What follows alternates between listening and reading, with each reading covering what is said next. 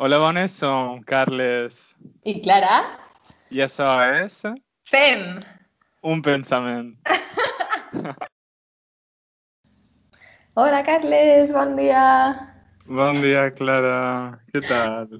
Bon dia pel matí, dimecres. Sí, sí.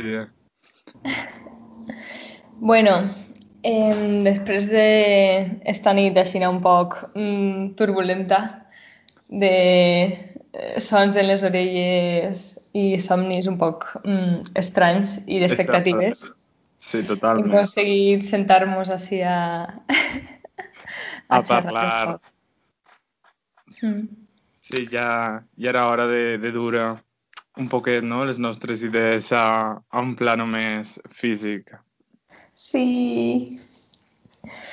Bueno, pense que podríem parlar un poc de, bueno, de, de on surt aquesta idea i quines, quins són, ara també per a nosaltres mateixos, no? quins són le, els, els objectius d'alguna manera que ens agradaria que, que es compliren amb, amb aquestes sessions, en plan, fins a on ens agradaria encaminar-nos, per lo menys, encara que no tinc, tinguem ni idea d'on anem a arribar. Clar, vull dir, quina és la preocupació, quines són, um, diguem, les, les no, els nostres interessos a nivell de, de a on va plegar això, no? Sí. I quins són els motius que, que ens han mogut a fer-ho, sobretot? Mm. Perquè, bueno, en realitat, això també és molt graciós perquè va tindre un anterior projecte que es deia eh, Sodoma i Gomorra, Sodoma i Gomorra, sí, sí. que anava a ser una espècie de, bueno, de performance mm, dissonant i grotesca i coses així, no? Sí, em, vull dir, la idea ha tingut molts plans diferents. Que si programa de ràdio, que si podcast també, que és el que estem intentant ara fer, no?, d'alguna manera, però sí que va començar com, d'alguna manera que fos una idea provocativa, no? Una manera de- d'acostar la filosofia a la gent, però des d'una perspectiva nostra, viscuda per nosaltres, no algo simplement teòric que el típic podcast que podria dir-te, pues Plató ens diu tal cosa, no? Algo que fora una demostració dels nostres interessos vitals, no? D'alguna manera, aquesta part més carnal i més, diguem, bizarra. Exacte. Com que sempre hem estat d'acord que volien que el cos tinguera com un lloc molt central que fora pues, això, un poc la nostra base des de on ix el pensament, des d'on es crea el pensament i, i on retorna, no? perquè sempre està afectant eh, tot el Mm. pensament, tant nostre com de la societat, als nostres cossos i això és algo que nosaltres sentim que és molt important investigar sobretot també per a la nostra generació, no sé, que ara mateix ja tenim mogolló d'informació, sempre Total. mogolló d'estímuls i és molt important al final també identificar quines d'aquestes coses que sempre estàs veient i llegint t'afecten a tu al cos i quines no, no? Com tindre a tu un poc mateixa de filtre també de- d'informació i de sabers. Sí, també crec que o sigui, el format de podcast facilita això, perquè d'alguna manera estem totalment en una sèrie constant d'estímuls que no ens permeten tindre un temps concret dedicat a fer alguna cosa. Per exemple, el, el simple fet de ja llegir i jo oblidar-me de silenciar les notificacions del telèfon ja fa que la meva experiència vital en el meu dia a dia estigui totalment interrompida i el podcast d'alguna manera ens permet com aquestes inquietuds dur-les al plànol físic de dir, dedique un temps a reflexionar sobre tot aquest moviment que atravessa el meu cos, no? Mhm. Sí, totalment. Jo ho entenc també un poc eh, així eh, utòpicament i com un acte de resistència també, no? En el sentit de que prendre't els espais també per a prendre't un espai i crear un espai per a reflexionar sobre certes coses és algo que fa molt, un acte de resistència molt gran al ritme que portem en la nostra societat, no? Perquè al final, pues, això, estem immersos en un ritme també de pensament i també d'informació que no, no, o sea, ens bloqueja una part molt important de, de l'experiència del món, no? que és pues, aquest temps superaccelerat que vivim ara, l'horror vacui que diem molt, no? que de vegades ho parlem com el terror este que tenim a, a l'espai tan o sea, al buit, al buit tant temporal, tant espacial, com necessitem sempre tindre algo ahí entre mans, estar agafats a algo clar. Aleshores, per a nosaltres també fer este podcast és super enfrontar-nos al buit perquè és algo que sentim que ens interessa però que no sabem ni com abordar-ho. Sí, pense que això que estàs dient d'enfrontar és algo molt interessant perquè des de la filosofia més mainstream durant... Eh, bueno, evidentment hem passat per... Estem en una pandèmia i hem passat per una quarantena molt gran i des sí. de la reflexió filosòfica s'ha fet molt d'incapeu en el tema de, de que ara tenim temps per fer el que vulguem, de que la mm -hmm. quarantena és una possibilitat de dur a terme tot allò que abans no tenien temps per fer. I d'alguna manera és una idea falsa capitalista en el sentit de dir ara que estem parats perquè el món no pot rular econòmicament, ara fes coses. Ara sí que pots dedicar-li sí. temps al teu cos i li pots dedicar temps al teu cos tancat, sense capacitat de moviment ni mobilitat ni reflexió. Sí. I a més, I... deus. I si Clar. no ho fas, has de sentir-te mal perquè ara que pots i ara que deus, no ho estàs fent, no? Si tens temps per ser productiu i dur a terme les idees que volies fer, com és que ara que tens temps no estàs fent-ho? Mm -hmm. Sí, Sí, d'alguna manera és la idea està també de, del temps lliure, però claro, ara és més fort encara. La idea aquesta de que el temps lliure que tenim, que tenim pues, les persones de quan no estem treballant o quan no estem eh, estudiant o quan no estem cuidant a la nostra família o a les nostres persones dependents, aquest temps lliure és un temps que tenim que invertir en divertir-nos sí o sí, una diversió que per supost lligada al consum, però que després en realitat pues, estem fent una petita càrrega i pues, mm, deixant un poc la nostra consciència ahí entretesa per agarrar forces i després tornar al treball amb una energia com més recarregada. Aleshores, aquesta idea de temps lliure és una idea que s'ha vist també molt en, en el confinament, no? Com ara has d'agarrar forces per després seguir en la productivitat, que a més import perquè no sabem ni si vas a poder treballar o quin model de treball va ser perquè està canviant totalment el paradigma però tu tens que estar totalment dispost. O sigui, que aprofita ara perquè després no se sap, sí, no? que no, no és, a diferència del que estem parlant, eixe enfrontar-se al buit, eixa sensació vital de dir ara he de fer jo, ara he de ser jo l'agent actiu que duga a terme el que vull dur, no mm -hmm. una circumstància que no hem decidit, que no hem triat, ens obliga a nosaltres de manera externa a tenir temps lliure, entre cometes, podríem dir, i ahir enfrontar-nos al buit. No pot ser aquesta dinàmica, perquè això no és enfrontar-se al buit. No sé Exacte. si... Claro. Claro. De fet, és plenar aquest buit existencial que tots hem tingut en la quarantena en, en, en efecte placebo, justament aprofitant-se d'aquest buit, com dient pues això, no? Fes yoga o medita, totes aquestes activitats que poden ser meravelloses, però no quan tenen eh, pues, aquesta intenció d'ocupar aquest buit, de, de no tindre angústia perquè no sé, o mm, no? com és totalment un, un, un aliment també per a aquesta, aquest sistema que s'està aprofitant del temps lliure com a, com a ferramenta d'evasió, al fi i al mm. cap. De fet, jo trobo que majoritàriament aquest, aquest ritme ha deixat molts cossos morts al seu, al seu pas. Hi ha molta gent que la seva intel·ligència emocional o la seva salut mental s'ha vist totalment destrossada per aquestes dinàmiques de fes, viu, continua, no pares. Uh -huh. Que evidentment és cert, tenim un ritme que d'alguna manera tampoc pot baixar del carro, diríem, i ja està. Però sí que pot ser un acte reflexiu de, de veure de què estàs sent partícipe, no? I molta gent que igual no té la capacitat o l'energia per superar una, el que ha sigut la pandèmia ha creat que en el seu cos es produïsca un esguinçament entre el ritme que ja tenia acumulat de la maquinària capitalista, el parar, i ara de cop i repent tornar a una altra dinàmica totalment diferent, perquè uh -huh. no, no ha hagut una parada reflexiva entre ritme capitalista brutal, parar, i altra volta estem com si d'alguna manera Clar res haver passat i el que afecta no és el ritme que duiem, és a les nostres mesures de seguretat, al nostre entreteniment, a la nostra dinàmica en relacionar-nos en el món, però el ritme segueix sent el mateix que abans de la pandèmia. Exacte. Sí, sí.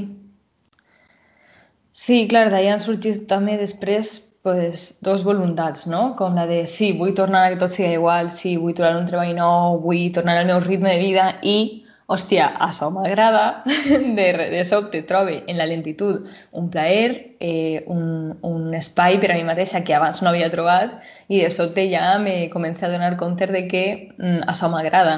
I clar, això també és molt perillós, no? perquè d'alguna manera, encara que hagi sigut totalment involuntari i zero llibertat en la decisió de prendre un temps més lent per a nosaltres mm. mateixos en el confinament, sí que mm, obri una petita finestra a que a mal o a bé el temps es puga, es puga plenar d'alguna manera, no? Que no siga tot un temps així abstracte de treballar, quantes hores treballe, tot quantificable, sinó que de repente el temps pot eh, extendre's d'alguna manera, no? I, i contraure's a la vegada, com que jo m'he donat compte que com canvia de veres el temps dins del treball a fora. O sigui, és una cosa que no pense que és una cosa de sensacions de ai, m'ha fet el dia molt llarg o molt curt. No, és que de veres el temps té un caràcter diferent quan tots els minuts estàs cobrant o no cobrant, no? Al final, convertir el temps en diners és algo també mm, és que és un, una cosa molt forta que jo sent que en, en el nostre temps, en el nostre temps i de, de tota la modernitat, no? Però...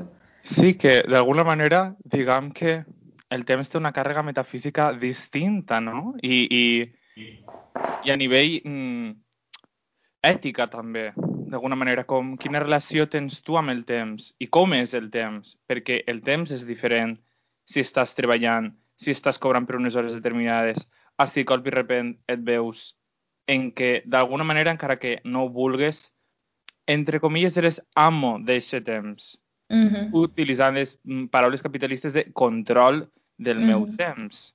Sí. És una dinàmica totalment diferent a ser a estar al servici del temps a, d'alguna manera, diguem, controlar o viure el temps. No sé mm. si veus tu hi una diferència metafísica entre el fet de, de estar baix el temps i d'alguna manera viure-lo o, o controlar-lo. No sé si són les paraules adequades tampoc, perquè no sé si claro. nosaltres som senyors del temps, no sé si... Ya, bueno, yo no sé si diría señores, porque al final, bueno, este, este tema de dominar els fenòmens naturals, ja saps que a mi no me mola molt. Totalment, totalment. Però sí el fet de, pues, això, de viure-lo o, o habitar el temps inclús mm. d'una manera eh, com pròpia, no? En la que tu pues, pugues trobar els teus propis ritmes i els ritmes no siguin els que controlen a tu. Això sí, totalment d'acord. Sí, la veritat és que tant el temps com l'espai pense que són un dels paràmetres que més, o sigui, que més mm, tenen a veure en la reflexió filosòfica al voltant del capitalisme, no?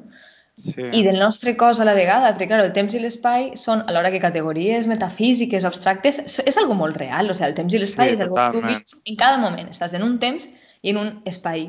Aleshores, també perdre la consciència d'aquest temps-espai en el que vivim, tant personalment com globalment, eh, és, és algo que passa molt i, i és molt greu, no? Perquè d'alguna manera, si tu t'abstraus en aquest treball o en aquest temps abstracte, perds el temps particular que és en quin moment estic jo ara, quin moment històric estic atravessant o, o quin moment, mm, jo què sé, del meu mm, cicle estic vivint en el meu cos, no? Com, com mm, saps?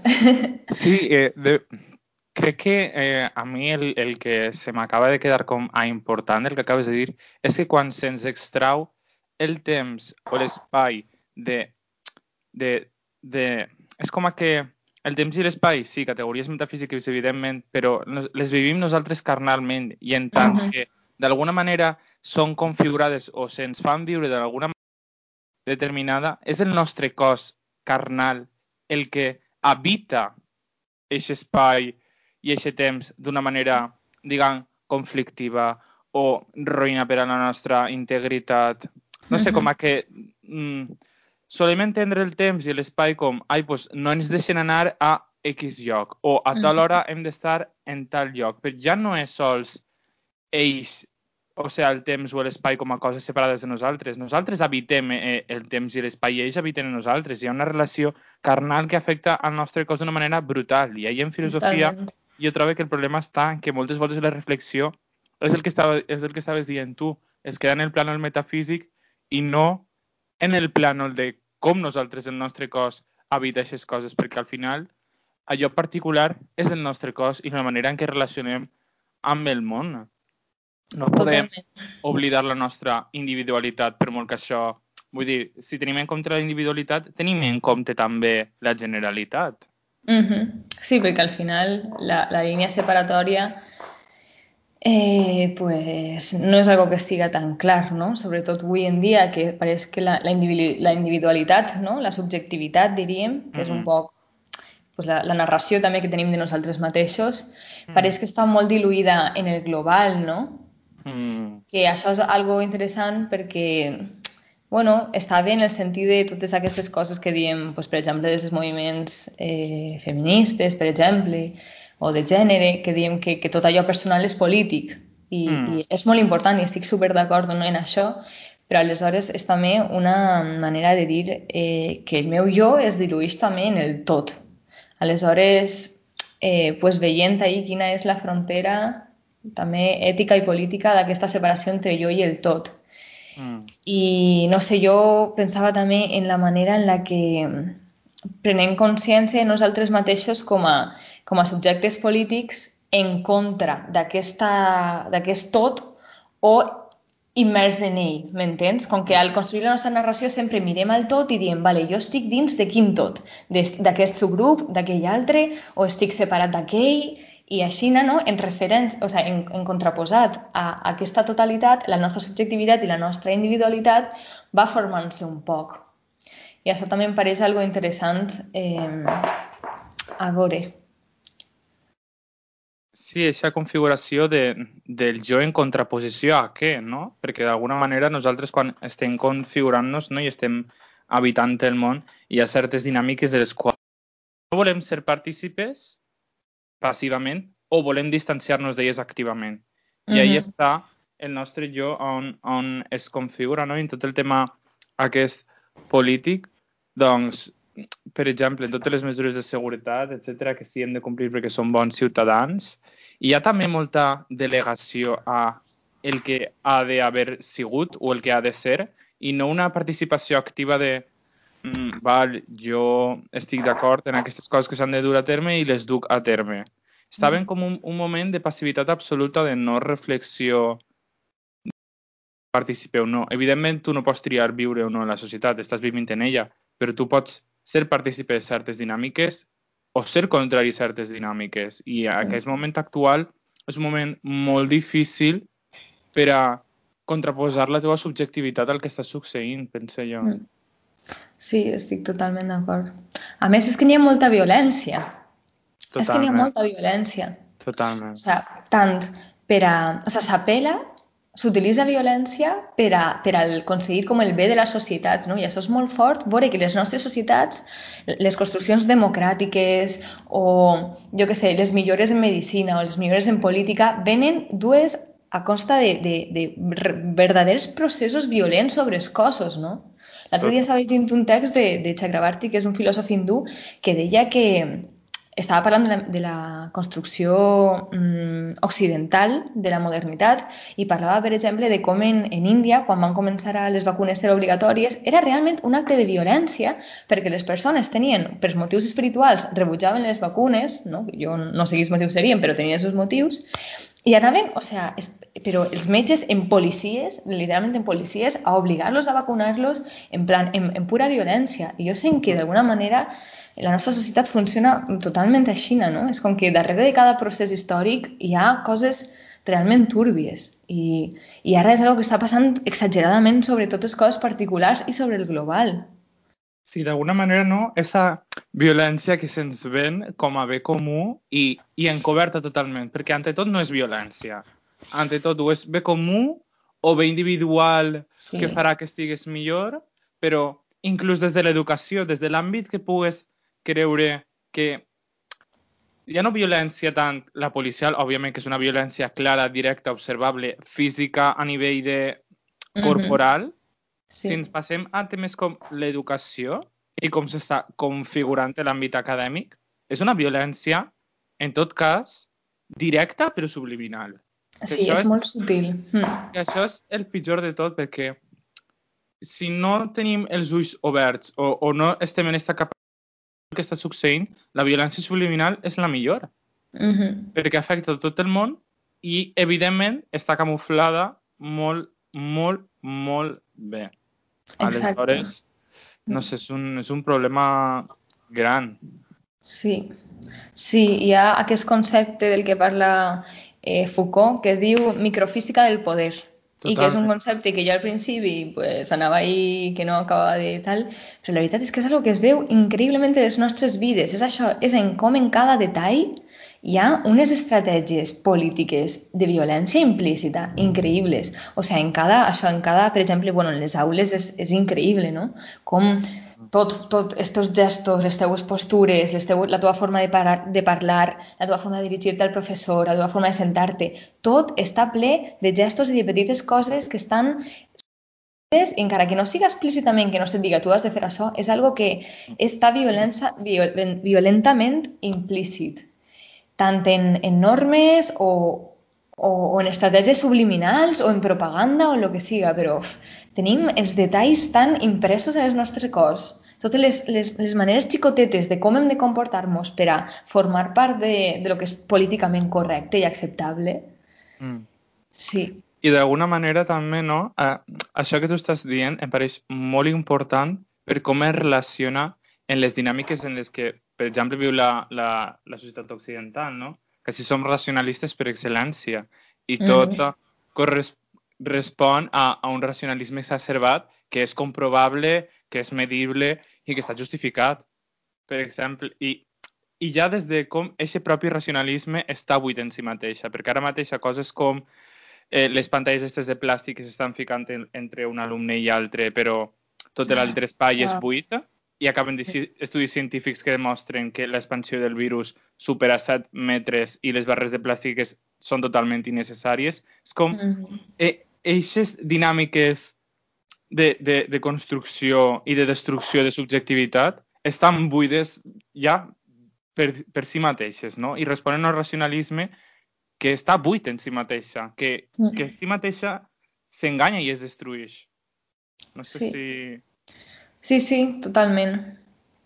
Sí, que a més és que, que sí que són, són motius no? o dogmes quasi que, imperatius que estan buits totalment de contingut i que a la vegada estan canviant totalment, totalment el nostre mapa de com ens, ens relacionem. Ahir ho parlàvem en classe de dansa que inclús això, la, la manera en la que d'adreçar-nos a les persones, de saludar, la capacitat de tindre contacte físic en els demés, està canviant increïblement. I és molt fort perquè, o sigui, algo que tenim imprès en el nostre subconscient quasi de tant de temps de com ens relacionem amb les persones, de sobte arriba una violència que fa crac i, i, i trenca aquest mapa, no? I de sobte pretén que en uns mesos canvie totalment aquesta manera de relacionar-nos. I és que és sinistre. És, és, a part de dur a nivell pragmàtic, perquè evidentment tenim unes maneres de relacionar-nos i com tu dies estan, diguem d'alguna manera, en el nostre subconscient col·lectiu i estan, Totalment.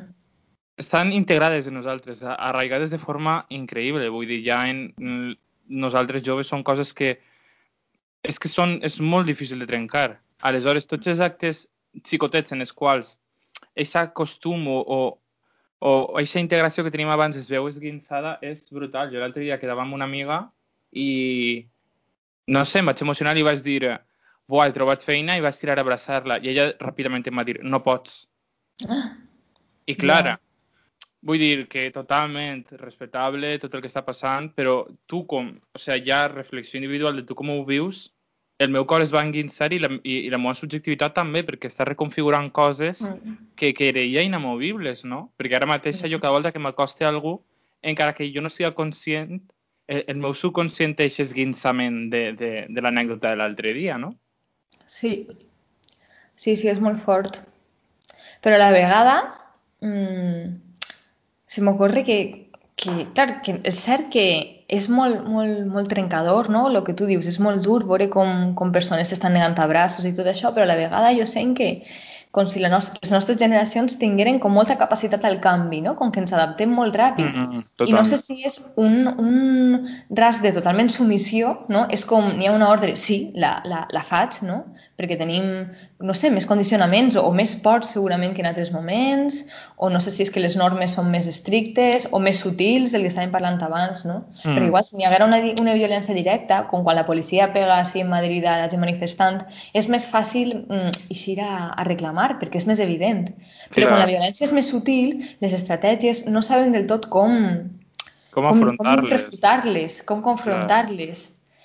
Aleshores, no sé, jo sent que també el tema de la tolerància, no? que les nostres generacions, sobretot per redes socials i per mitjans, per veure tanta informació i tantes mm, coses noves, tenim molta facilitat tant com al canvi i, i a la no? perquè hem vist moltes coses diferents.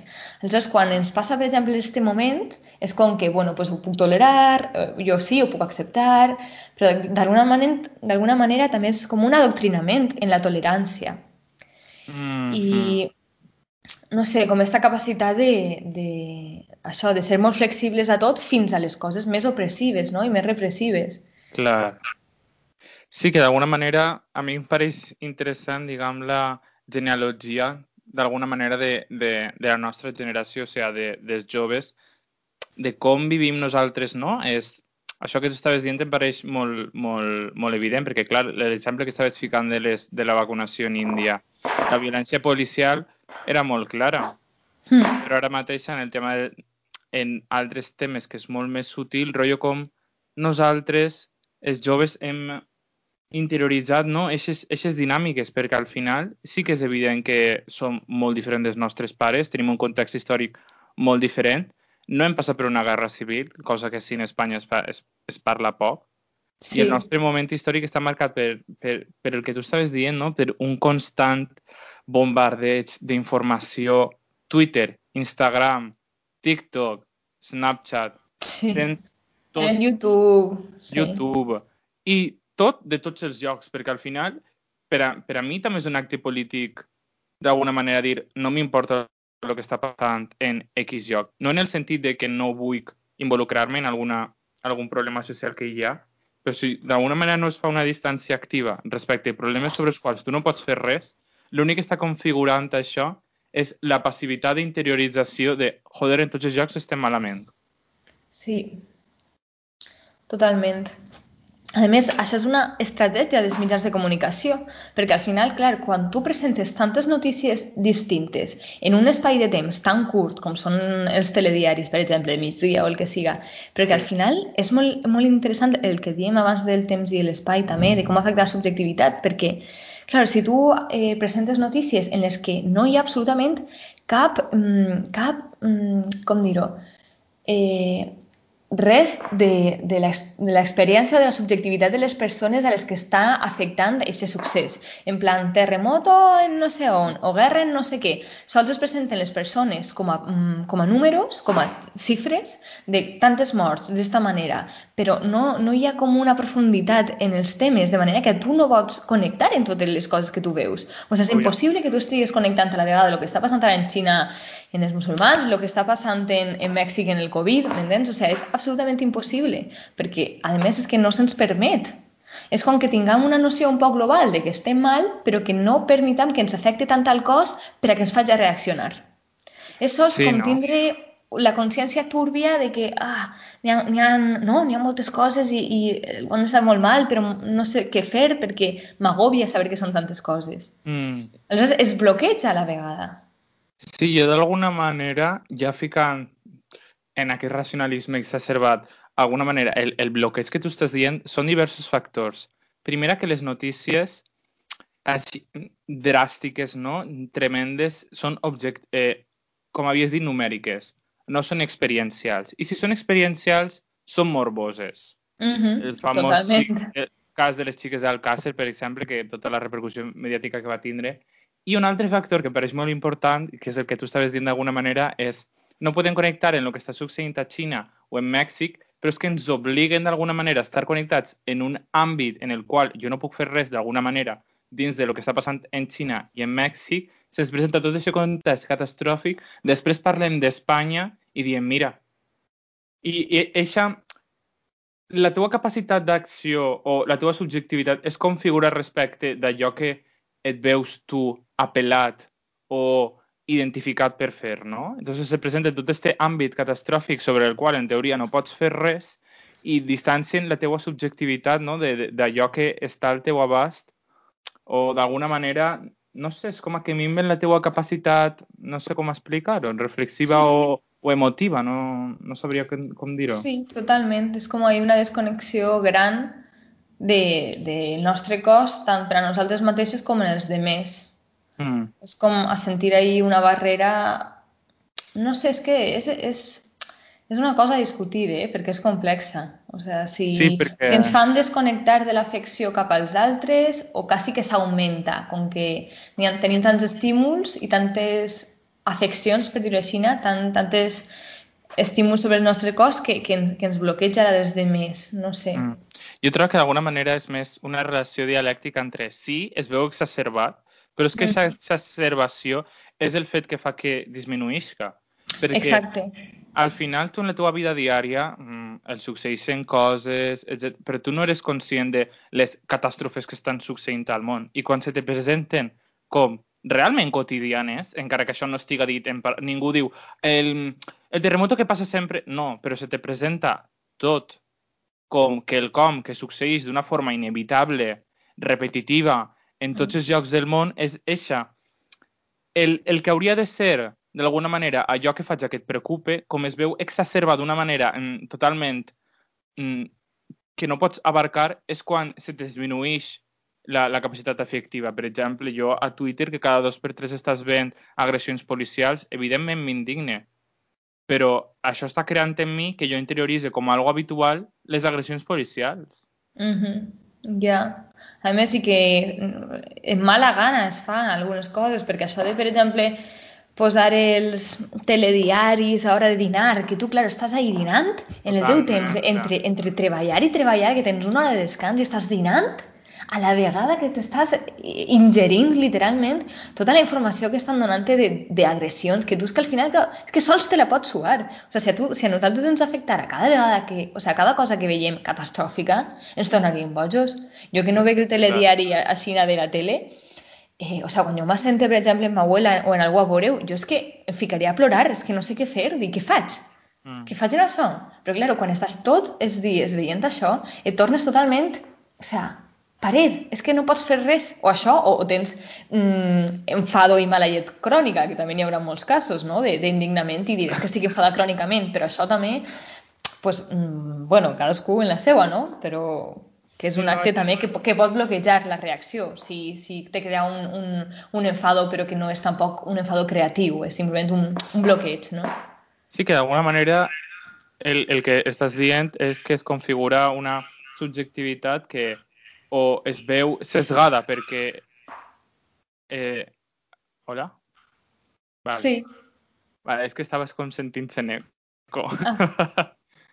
vale. Es veu com bloquejada d'alguna manera perquè, evidentment, si són uns estímuls que eh, eh, no pots gestionar i pot haver una reacció molt clara que és el que tu estaves dient, el, el odi però o la indignació no creativa que és que malestem, sempre la mateixa història, és que els governants ho fan tot malament, que evidentment, això sabem tots que ho fan malament, però vull dir, això també és eh, el sentiment eixe de, de, de no dur-te a fer res de, mm -hmm. de, i crear una, una frustració interna que no du en lloc.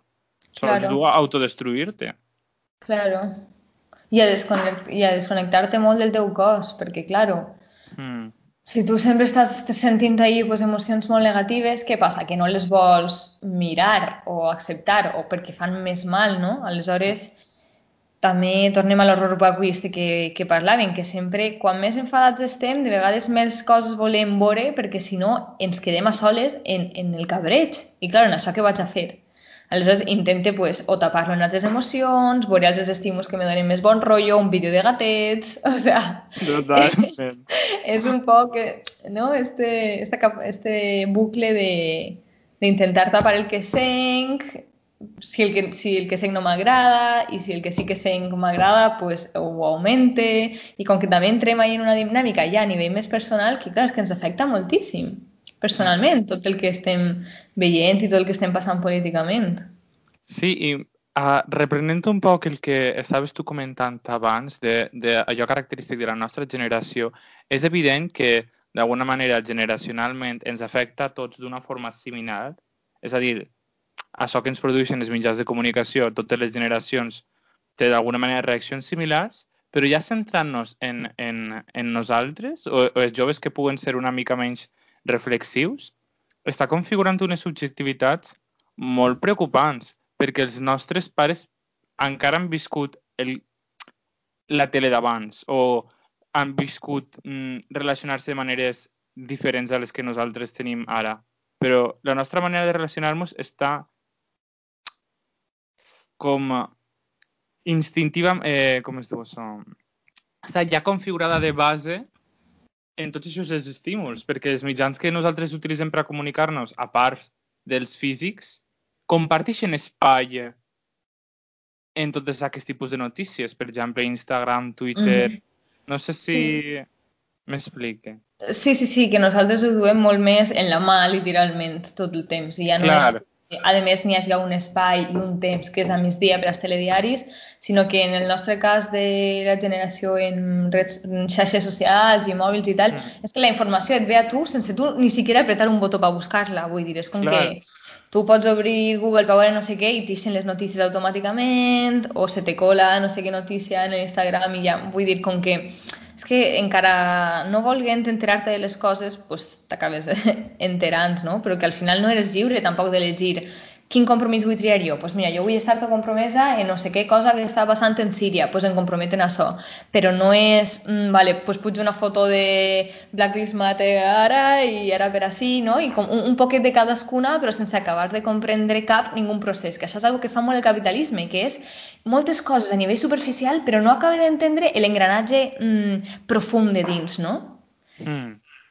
Sí, que sí, vull dir, i d'alguna manera és, és potència amb aquestes coses que estem dient, perquè en el tema de Black Lives Matter o altres coses socials molt totxes, la gent en Instagram publicava històries com a que compartir vídeos de com els policies agredien a la gent, etc., era ja un acte en si reivindicatiu i que anava a canviar significativament el transcurs dels fets.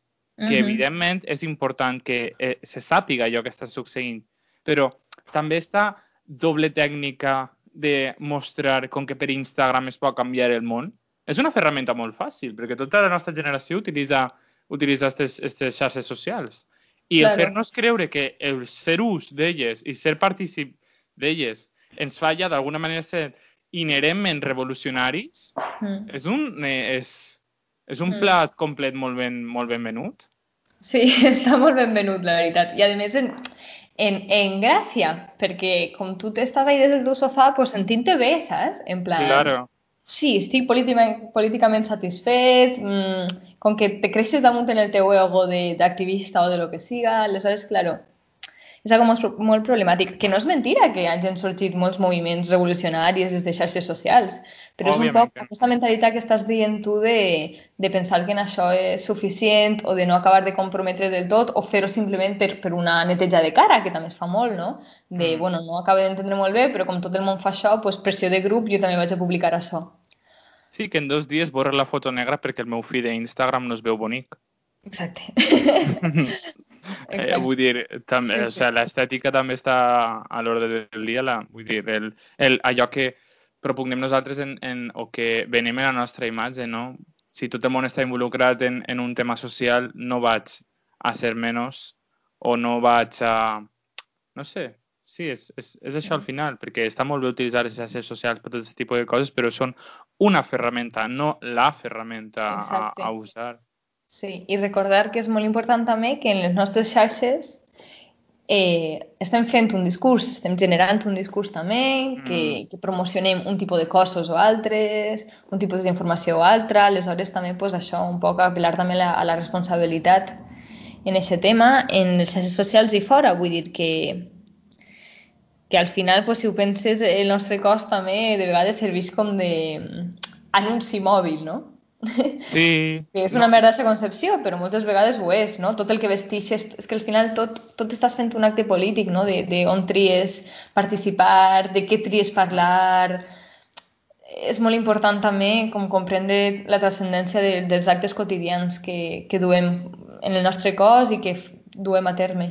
Sí, no? i ahir des de l'àmbit ètic de, de la praxis de, de, del nostre fer, pensa que, que una eina important és, perquè és inevidentment que vas utilitzar aquest tipus d'aplicacions, és saber a qui segueixes i el contingut que estàs visualitzant perquè tu no, tu no pots controlar d'alguna manera que eix a, al teu explorar, però la gent que segueixes o que et segueix a tu configura la teva subjectivitat de manera brutal si al final passes molt de temps cara al mòbil i d'això sí que som com capaços de controlar-ho, no? Perquè d'alguna manera buscar també rotllo, eines que ens permeten dur la nostra subjectivitat per allà on volem dur-la dins dels nostres paràmetres i fer l'acte de dir, pues aquesta gent, encara que sigui meva amiga, amiga meva, no, no la segueix perquè allò que està duent al món o allò que està transmetent-me a mi està creant una sèrie de, de, de mogudes personals que no, que no són per on vull anar jo, no? Mm -hmm.